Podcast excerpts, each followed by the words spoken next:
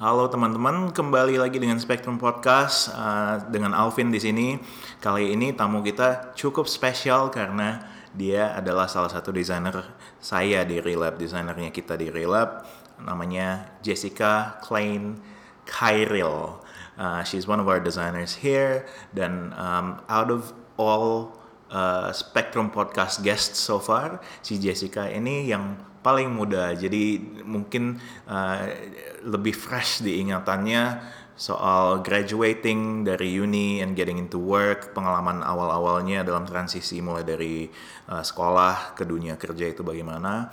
I'm sure she's gonna bring a lot of value in that. Hope you enjoy it and I'll see you around. Halo teman-teman, welcome to Spectrum, a podcast about all things design for the Indonesian community in Melbourne with your host, Alvin Hermanto. Hello, Jess. Thank you so much for making time for this. Uh, I know you're very busy, tapi sebenarnya ini kita kan mau bahasa Indonesia tadinya kan ya. Uh, buat pendengar ini sebenarnya agak-agak aneh soalnya I've never really spoken bahasa Indonesia with Jess. Jess is one of our designers here di Relab Uh, tapi untuk purpose the purpose of Spectrum podcast kita akan berusaha bahasa Indonesia. Uh, but whenever you feel like it's not natural, it's fine. Oke. Okay? Okay. um, jadi Jessica ini salah satu desainer kita di Relab. Um, and how long have you been with us so far? Um, satu setengah tahunan. Satu setengah tahun. It feels like three years.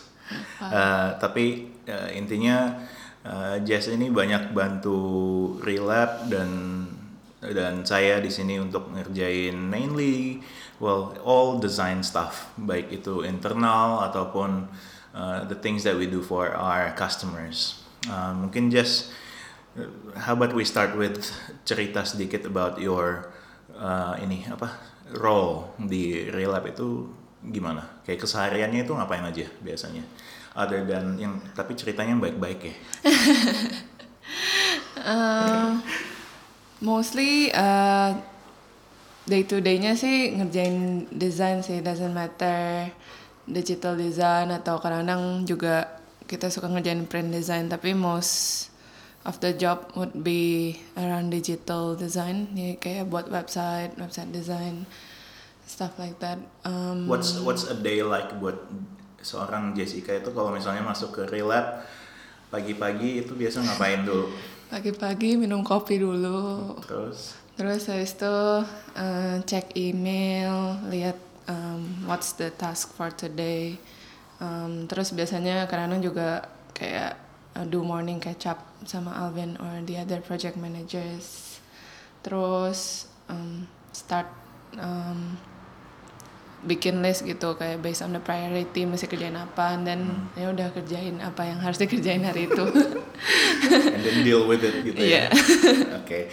well uh, cerita dong Jess dulu awalnya bisa masuk ke dunia desain tuh gimana dari sekolah udah emang demen desain gak sih um, lumayan sih jadi kayak sebenarnya nggak pernah sampai tahu banget nih oh um, design is what I want to do kayak hmm. dari high school cuman uh, banyak kayak event-event di sekolah gitu kayak misalnya the one that I'm involved in biasanya tuh um, aku bantunya di bidang desain gitu misalnya kayak um, bikin di, yearbook gitu di, atau di Jakarta iya Oke, okay. sekolah di mana di Jakarta?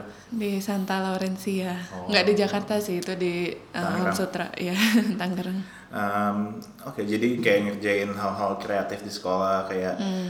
apa ya kayak sejenis publication atau mapping kayak, kayak gitu yearbook ya. gitu yearbook. misalnya ya. jadi komite yearbook gitu eh, bantu-bantu gitu oh, waktu itu udah tahu ini belum kayak design tools Photoshop lah atau um, lebih karena kayak but karena butuh untuk produce something jadi kayak ya harus belajar Photoshop belajar kan. sendiri hmm.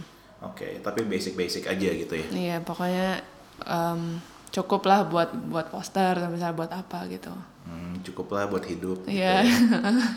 Terus uh, oke, okay, terus habis dari sekolah dulu um, gimana ceritanya bisa ke RMIT kan ya? Gimana ceritanya bisa ngambil desain di RMIT? Eh, jadi pertamanya eh, aku nggak langsung masuk uni, jadi eh, I started with foundation. Jadi di foundation itu em, dia lumayan broad sih, jadi kayak semua desain kayak there's uh, a lot of subjects. Tapi awalnya intensinya tuh mau masuk arsitek sebenarnya, soalnya eh, papaku dulu arsitek, terus kayak mikirnya oh mungkin uh, arsitek mau coba gitu. Cuman waktu uh, di foundation ternyata kayaknya lebih ngarah ke communication design, kayak lebih enjoy lah gitu. Hmm, enjoynya di bagian mananya sih kalau communication design dulu? Bikin logo atau branding? Lebih karena gimana ya? Karena di encourage untuk uh, mikir juga sih kayak misalnya behind all designs gitu dia kita disuruh kayak um, ada rationalnya kayak kenapa buat ini, kenapa buat itu gitu. Kalau arsitek nggak banyak mikir ya? eh enggak juga sih, banyak juga sih, cuman ya gitu deh. Oh oke oke. Jadi em, jadi lulus di RMIT kan bachelor ya, Yes. Eh, communication design. Habis itu langsung gimana waktu itu sebelum ke relab ngapain aja? Relab ini kerjaan pertama di desain Uh, full time ya. full time-nya. Tapi sebelumnya pernah ngapain aja tuh? Sebelumnya dulu waktu uni pernah intern sekali tapi di Indo sih itu kayak more like an advertising agency gitu. Terus waktu setelah lulus Namanya apa? namanya He- Havas. Havas. Havas, iya. It's a big company kan ya, Havas. Uh, I think so. ya. Dia global. Um, Terus terus habis itu mm, berarti tunggu di advertising itu maksudnya ngerjain uh, art tetap tetap gitu ya? di Print, bagian kreatifnya cuman ya graphic design. graphic design tetap. mm. Terus Terus habis itu uh, setelah lulus um, lebih ngerjain banyak freelance freelance gitu sih. hmm, Cuman buat um, teman-teman atau kadang-kadang buat teman-teman terus pernah yang non related juga kayak tiba-tiba ada yang kayak approach aja gitu. Cuman um, nothing big sih. Jadinya job pertama, misalnya kayak full time job pertama ya di Relab ini. hmm, oke. Um, iya, sisanya casual stuff. Hmm, hmm, hmm. Terus eh, tapi semenjak muda, cie semenjak muda. Jadi udah gak mudah. oh by the way, eh, Jessica ini so far di Spectrum, Jessica ini yang tamu kita yang paling muda kalau dibandingin sama yang sebelum-sebelumnya. Jadi eh, I think it's a good one because maybe Jess itu bisa lebih relate kepada anak-anak yang lebih muda lagi, eh, adik-adik kelasnya yang baru mau lulus. Kalau mau get into the design industry, I think Jess will have a lot to uh, ini to share. Terus eh, oke kalau misalnya kita fast forward sedikit ke masuk ke dunia kerja nih, Eh, menurut Jess yang paling bikin beda dari antara di uni sama waktu awal mula kerja itu apa? Penyesuaiannya itu seperti apa kira-kira? Kalau bisa di describe. Oh, lebih ke responsibility mungkin sama time management. Kalau misalnya uh, pas uni kan uh, you're responsible ke diri sendiri gitu. Tapi kalau once you're in a work environment, um, kayak responsibility-nya ya ke tim gitu. Jadi kayak misalnya um, harus selesai by kapan, by kapan gitu kayak nggak cuman buat diri sendiri tapi kayak Lebih accountable terhadap kerjaannya ya. Because you're doing works for client, I guess. Iya, jadi kayak um, lebih besar lah gitu responsibility-nya. Hmm.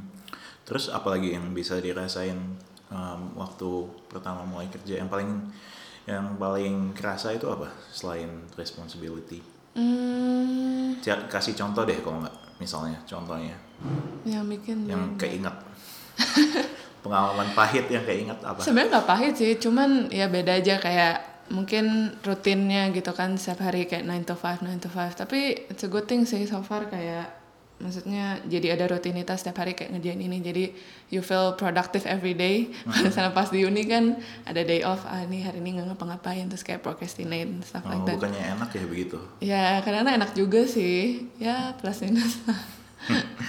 Oke, em, jadi kalau selain kerja nih kan tiap hari eh, kayak 9 to 5 tuh di kantor gitu.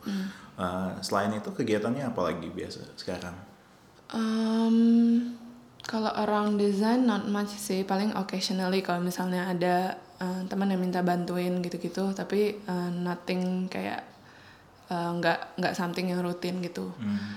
jadi paling cuman hang out with friends terus ya gitu aja sih nggak Oke. banyak Oke, kayak kayak anak muda pada umumnya ya. hopefully ya Oke. Em, terus kalau misalnya kita em, sorry nih alurnya bolak-balik, cuman I'm gonna go back to waktu kecil gitu ya. Waktu kecil tuh eh, pernah kepikiran nggak sih selain tadi arsitek atau desain gitu, pernah kepikiran ngambil jurusan yang lain nggak? Misalnya kayak misalnya kalau aku dulu pernah kepikiran mau jadi dokter, cuman itu karena hasutan banyak orang di sekitar Ah, atau misalnya eh, pokoknya desain itu bukan sesuatu yang ada di dalam kepala semenjak kecil itu baru kerasa adanya itu waktu ah udah mulai SM waktu zamannya aku dulu itu kayak mulai SMP SMA dan I thought oh there's actually this thing uh, that interest me which is like design and art gitu loh. Uh, tapi waktu kecil tuh pikirannya kalau namanya kerja itu pasti dokter. Kalau nggak pernah jadi pengen mau jadi kayak anak cowok pada umumnya misalnya mau jadi pilot gitu loh. Atau insinyur setidak-tidaknya. Kalau buat Jessica sendiri gimana dulu Hmm, dulu iya sih kalau misalnya talking about jobs gitu yang nggak Ini waktu SD nih, waktu kira-kira SD ya. Um, tapi sebenarnya ya udah interested gitu kan misalnya kalau misalnya kasih hadiah ke siapa gitu misalnya oh buat sendirilah atau apa gitu kayak emang demen craft gitu iya craft tapi nggak pernah mikir sampai oh this will be my like job nanti waktu udah gede gitu. Hmm, oke.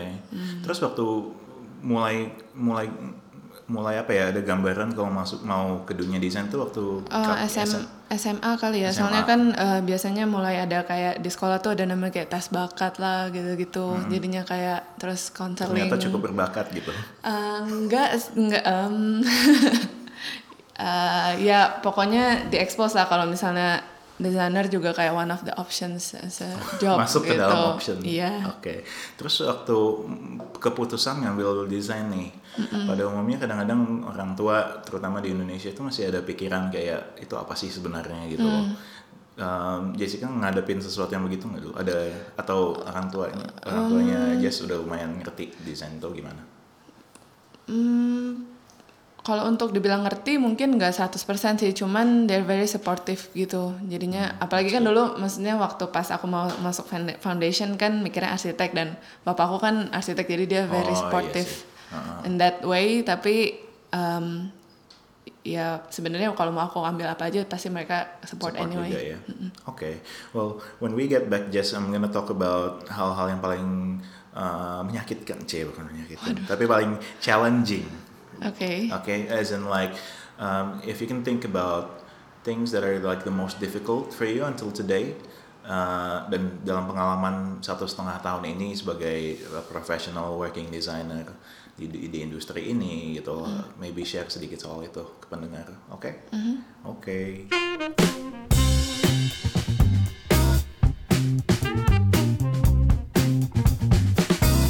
Just kalau dipikir-pikir nih, kalau dipikir-pikir lebih dalam, Oke. eh, hal apa yang paling susah di dalam hidup Anda sebagai seorang desainer? Aduh. Uh, in general atau di kerjaan nih? Di kerjaan dulu mungkin. Uh, kalau kerjaan most of the time um, challenge-nya timeline sih. Um, karena try to meet the deadline. Terus misalnya kadang-kadang kayak we're stuck atau enggak kayak dari sisi klien misalnya kita kayak um, deadline-nya mundur karena klien tapi kayak semacam kita Masih nggak bisa salahin klien Ini kayaknya Aduh. lagi jalan nih. Ah ya something like that tapi kayak kita tetap Kok harus familiar? deal with Oke. it gitu kayak um, uh, ya sih deal with deadline that's probably the most challenging um, Hmm. aspect Apalagi nih yang bisa curcol tiba-tiba.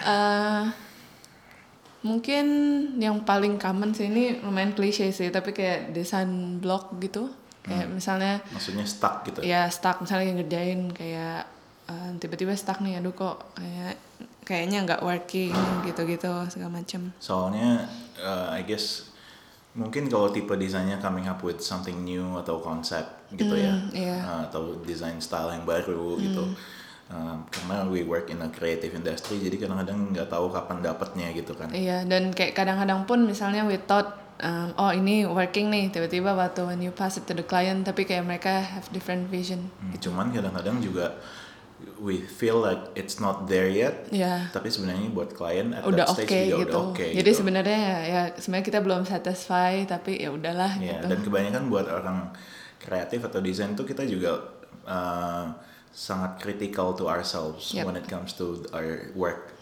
Karena we take pride on it gitu loh. Iya. Jadi kadang-kadang rasanya it's not good enough, tapi Yeah. apparently it's okay, That's it's enough true. gitu Iya. kan. Terus um, um, kalau secara working in a team environment, karena waktu di uni kan, I mean there's probably good group works gitu. Cuman mungkin nggak seberapa dibandingin kalau di kantor yang kerjanya tiap hari sama Yeah, tim gitu. That's true. And if you have the, I guess so far you've had the opportunity to work in a team environment, as in like you're not the only designer. Yep. Um, itu gimana? Itu sebenarnya is it a good thing? Or, atau ada yang ada yang challenging juga dari from that fact gitu that you're working in a team. Um, I think it's a good thing sih untuk um, be able to be working in a team gitu. Soalnya waktu uni, um, kayaknya selama tiga tahun tuh kayaknya aku cuman punya kayak dua um, project yang group work. Jadi waktu pas masuk ke relab tuh kayak bener-bener wah ini everyday you'll be working with like in a team gitu. Um, jadi ngerasanya Was it a good, uh, maksudnya perasaan perasaannya Jessica itu lebih kayak senang that there's a team Seben- atau uh, justru jadi ngelihat ini jadi suatu challenge gitu. Sebenarnya lebih ke belajar aja sih. Jadi misalnya even though sometimes it's a bad experience, bukan bad experience sih, maksudnya kayak bad challenging, soalnya kayak challenging gitu. Misalnya si Kim susah nih gitu ya. Enggak kok. Um, lebih kayak misalnya even though it's challenging, tapi at the end of the day kayak um, pasti ada something yang dipelajarin gitu. Misalnya working with developers kayak it's very challenging karena um, kan aku nggak familiar gitu misalnya with development. Tapi at the end of the day ya ujung-ujungnya Developers belajar dalam artian web developers web, de- kita. web development gitu misalnya. Tapi at the end of the day ya belajar something yang bisa di-apply for the next project misalnya gitu. Hmm, oke. Terus kalau sebagai seorang desainer nih, um, biasanya desainer itu punya ego sendiri. Hmm. I like my own style, ya kan. Maksudnya kita itu style design tuh and aesthetics itu it's quite subjective sometimes. Um, ada orang yang demennya lebih heboh, ada orang yang demennya sangat-sangat simple gitu.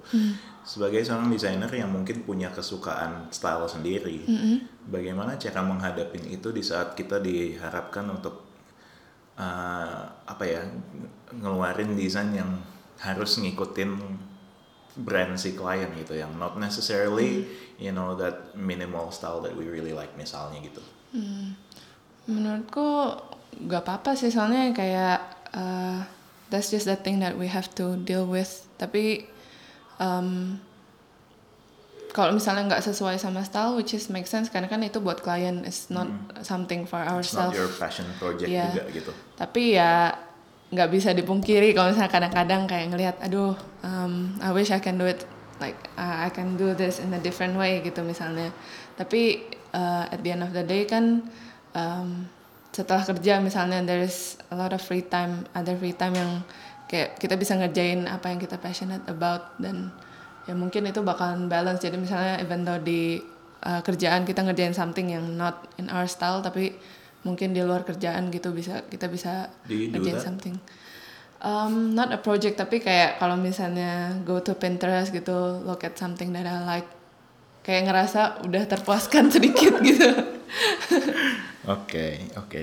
Well, karena um, ini pengalaman pribadinya aku juga sih. Misalnya waktu baru mulai kerja dulu, I do have an ego, as in like uh, nggak ngerti kadang gitu kenapa, Kenapa? ini nggak bisa diubah Iya. gitu. Uh, but so far I think you've been really good trying to understand, you know, our clients. Uh, cuman banyak banget kasus di mana desainer tuh nggak bisa terima kenyataan kalau kita harus kerja sama klien gitu. Iya. Um, dan kalau tadi kan uh, urusan tunggu sorry mau ngomongin soal urusan bahasa nih Hmm.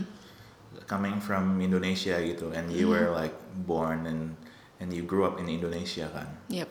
Uh, coming to an Australian industry Mhm. dan kita di kantor juga bahasa Inggris gitu. Iya. ada nggak ininya uh, kendala-kendalanya?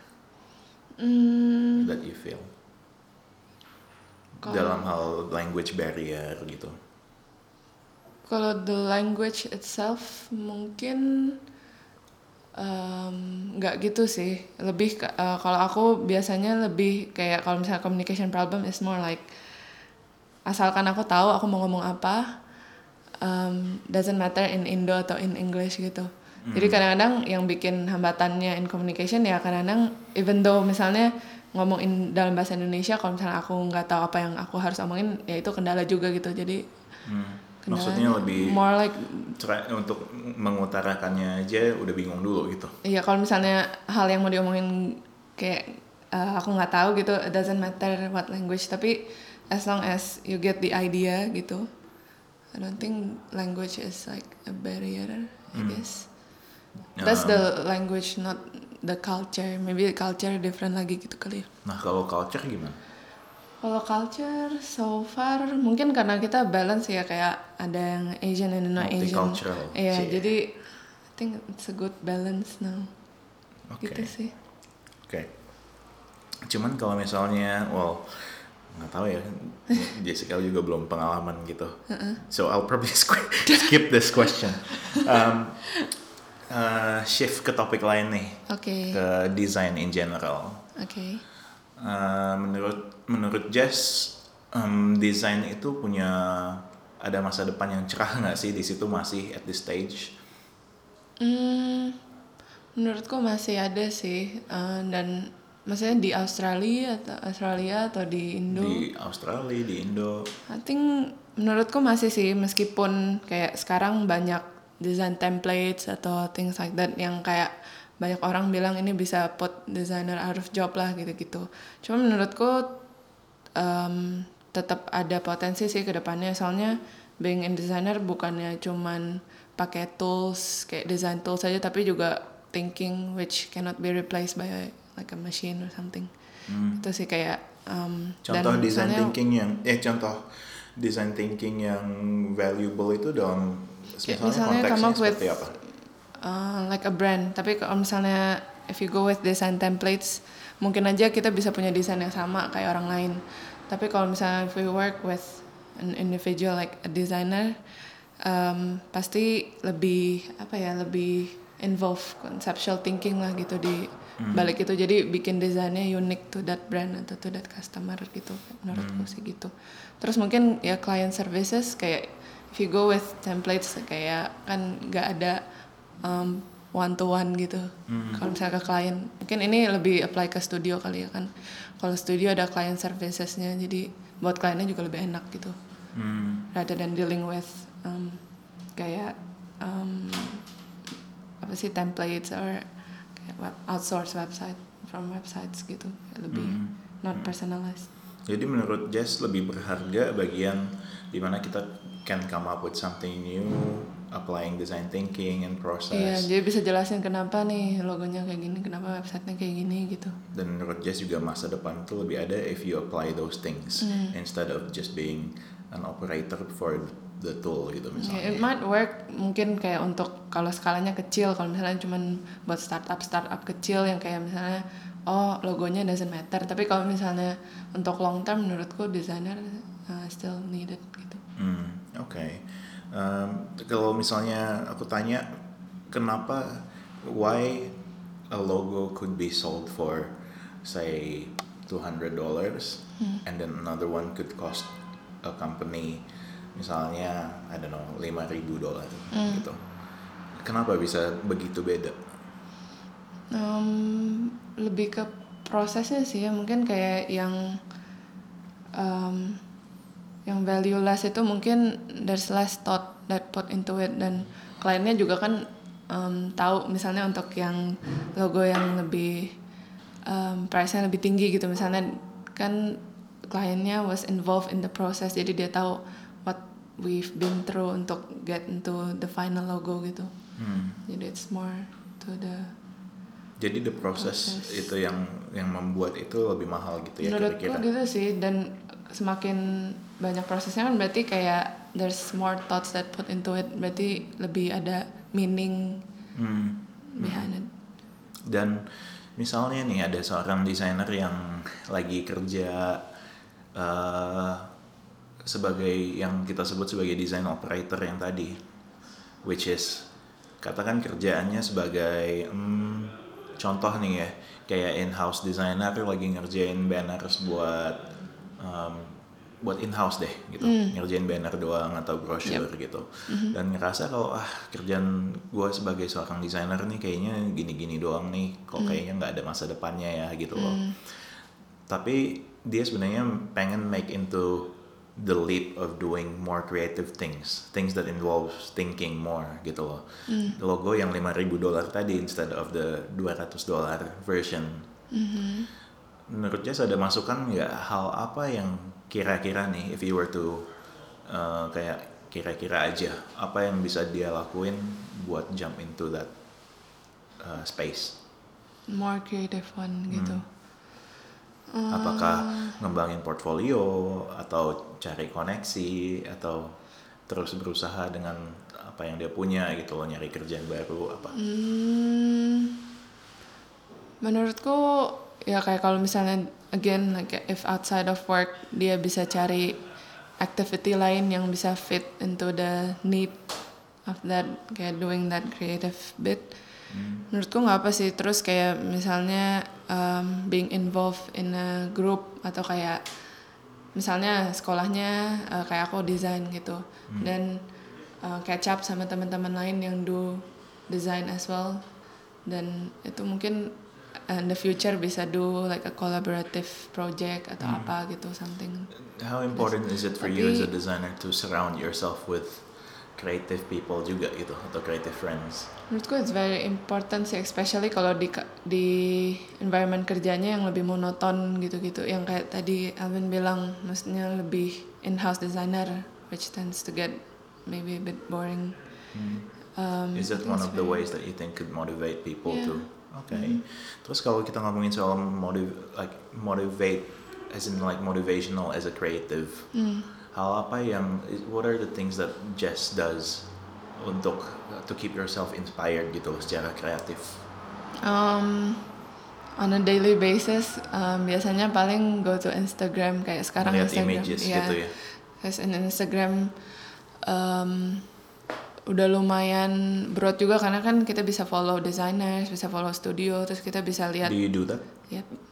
Terus kayak maksudnya uh, what they're doing at the moment. Terus misalnya ada project yang misalnya catches my attention, terus I'll go kayak um, to their website atau kayak untuk cari tahu kayak oh ini project apa sih gitu-gitu. Gitu aja sih. So you actually do that? But ya, yeah, cause kalau misalnya mau ketemu teman-teman setiap hari kayak misalnya teman-teman desainer setiap hari kan it's a bit Susah hard juga ya. apalagi udah full time gitu Tapi jadi kalau ketemu teman-teman yang juga interested in design atau punya background design tuh ngomongin desain gak sih? Eh, nggak leb- em, mungkin lebih kayak apa yang lagi mereka kerjain sekarang sih which is ya pasti karena involve desain juga tapi bukan yang kayak menurut kamu desain sekarang gimana enggak kayak gitu Bukan kayak gini ya. Nggak kayak gini Um, terus kalau uh, pun- ada ini nggak ya? um, oh, maybe think of think of one thing that you can think of buat uh, sebagai masukan nih buat orang kalau pengen jump into the design industry. Baik itu sebagai ya student yang baru fresh graduate atau orang yang pernah misalnya baru mulai kerja sebagai apa gitu tapi pengen instead jump into the creative industry. Hmm, menurutku apa yang penting Uh, looking back, uh, aku lebih encourage kayak misalnya student-student tuh buat cari as much work experience Magang as gitu ya. possible.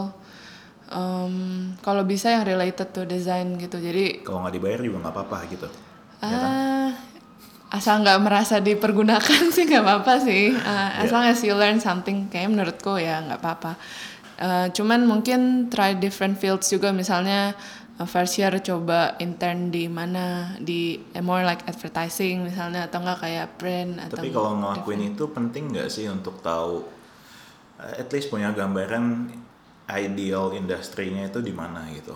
iya Ya nggak? iya Kalau lebih misalnya uh, punya gambaran pengen get into social media misalnya, yep maybe find a company that does social media marketing jadi bisa belajar lebih banyak. Iya Atau pengen get into branding especially kalau misalnya kalau aku dulu soalnya em, waktu di uni tuh belum tahu pasti nih misalnya Hmm. field apa gitu misalnya ada yang Banyak kan orang juga gitu sih, Iya. kayak yang muda-muda pasti kayak kurang tahu nih desain apa gitu. sih. kayak mungkin gampang untuk tahu apa yang ki- eh, lu nggak suka tapi untuk tahu yang bener-bener eh, yang that one thing that you like mungkin you're interested in a lot of stuff tapi nggak tahu gitu misalnya mau yang mana Hmm.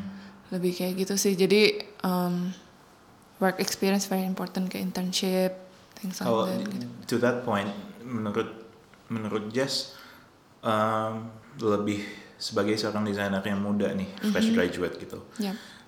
salary yang tinggi itu lebih penting nggak sih dibandingin pengalaman di tempat kerja yang lebih sesuai dengan industri yang you want to be in gitu?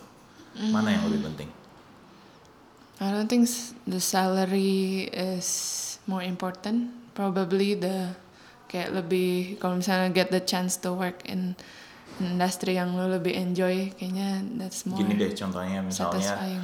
uh, As long as it's not like underpaid gitu. Iya, misalnya uh, desain studio, cuman ngerjainnya keren-keren, bikin branding buat apa gitu, pro- projectnya bagus-bagus kan. Cuman gajinya katakan lebih rendah dibandingin misalnya uh, Corporate bank, gitu, misalnya bank iya. nih yang nawarin in-house posi- position. If if it was you, you just recently graduated, katakan lebih milih yang mana? Lebih yang banknya gajinya lebih tinggi nih misalnya. Mm, the other one sih. yang satunya ya gitu karena would you agree that the experience uh, dalam ngerjain hal yang you're going to enjoy in the long run Mm. is more valuable than the salary at that stage Um, you menurutku iya sih, apalagi kayak untuk fresh grad gitu. It's not kan uh, menghidupinya cuman menghidupi diri sendiri kan. Jadinya oh Jessica belum punya anak Waduh. em, jadi pokoknya ya lebih penting that you do something that you enjoy. Mumpung maksudnya masih muda gitu, masih masih fresh grad, masih bisa coba-coba gitu. Mungkin kalau misalnya nanti udah kayak em, butuh em, untuk earn lebih banyak, nah mungkin uh, consider untuk masuk ke dalam corporate gitu mungkin in the future, tapi not now. Oke, oke. Alright. Um, kalau yes, ini kalau pengen ngelihat kerjanya Jessica itu ada nggak sih di mana gitu? Di relapse sih sebenarnya. Yeah, most of the uh, project will be in real life. Iya, iya, iya. Um, Oke deh. Um, maybe one last question nih. If there was one thing that you can think of um, for you to do gitu, if money doesn't even matter anymore, um, kira-kira itu apa? Kalau misalnya nggak nggak nggak ngurusin soal keuangan deh, Mm. hal apa yang bakal Jess lakuin? Um, maksudnya in terms of design gitu Nggak, atau not anything. necessarily design anything. Um, Boleh Pingin- occupation, boleh suatu kerjaan atau boleh suatu experience juga. um, pengen do more traveling sih. Um, Tapi pengen misalnya sambil travel tapi ngerjain sesuatu Misalnya juga ngerjain gitu. sesuatu. Jadi kayak ngerjain sesuatunya itu apa? Kerja di kafe oh, atau desain juga atau uh, not sure yet sih. Um, pokoknya do something tapi sambil travel. Jadi travelnya nggak senang-senang doang. Misalnya sambil let's say misalnya do charity work bisa gitu aja ya. gitu atau enggak ya ada purpose Jadi sekalian misalnya gitu. ada excuse untuk travel. okay, okay. Well, Jess, I'm gonna let you go back to work because I know Okay. you're very, very busy. But thanks so much for making time. No uh, I think that was good. Oke. Thank you. Thank you. Teman-teman, thank you banget udah dengerin Spectrum Podcast sampai hari ini. Buat kalian yang udah follow, I really do appreciate it. It would mean so much to me kalau misalnya kalian bisa share ke teman-teman yang lain yang punya interest di bidang ini atau just have an interest around Melbourne, eh, sorry, Melbourne Indonesian community. Uh, di sini di Australia atau di Melbourne specifically um, dan juga I would really appreciate if you can review and rate and like and pretty much share the love for Spectrum Podcast. Um, we have a great vision around it. Uh, kita pengen membangun komunitas desainer. Uh, mungkin start di Melbourne dulu karena saya di Melbourne. Tapi uh, the idea is for the whole Australia dan mudah-mudahan kita bisa ngasih banyak value dan impact ke komunitas-komunitas yang lain melalui uh, komunitas desain Spectrum Podcast ini. Dan buat teman-teman yang udah menjadi bagian dari Spectrum Podcast dan sudah berkontribusi, thank you so much. I really do appreciate it. It means the world to me. Okay? Thank you.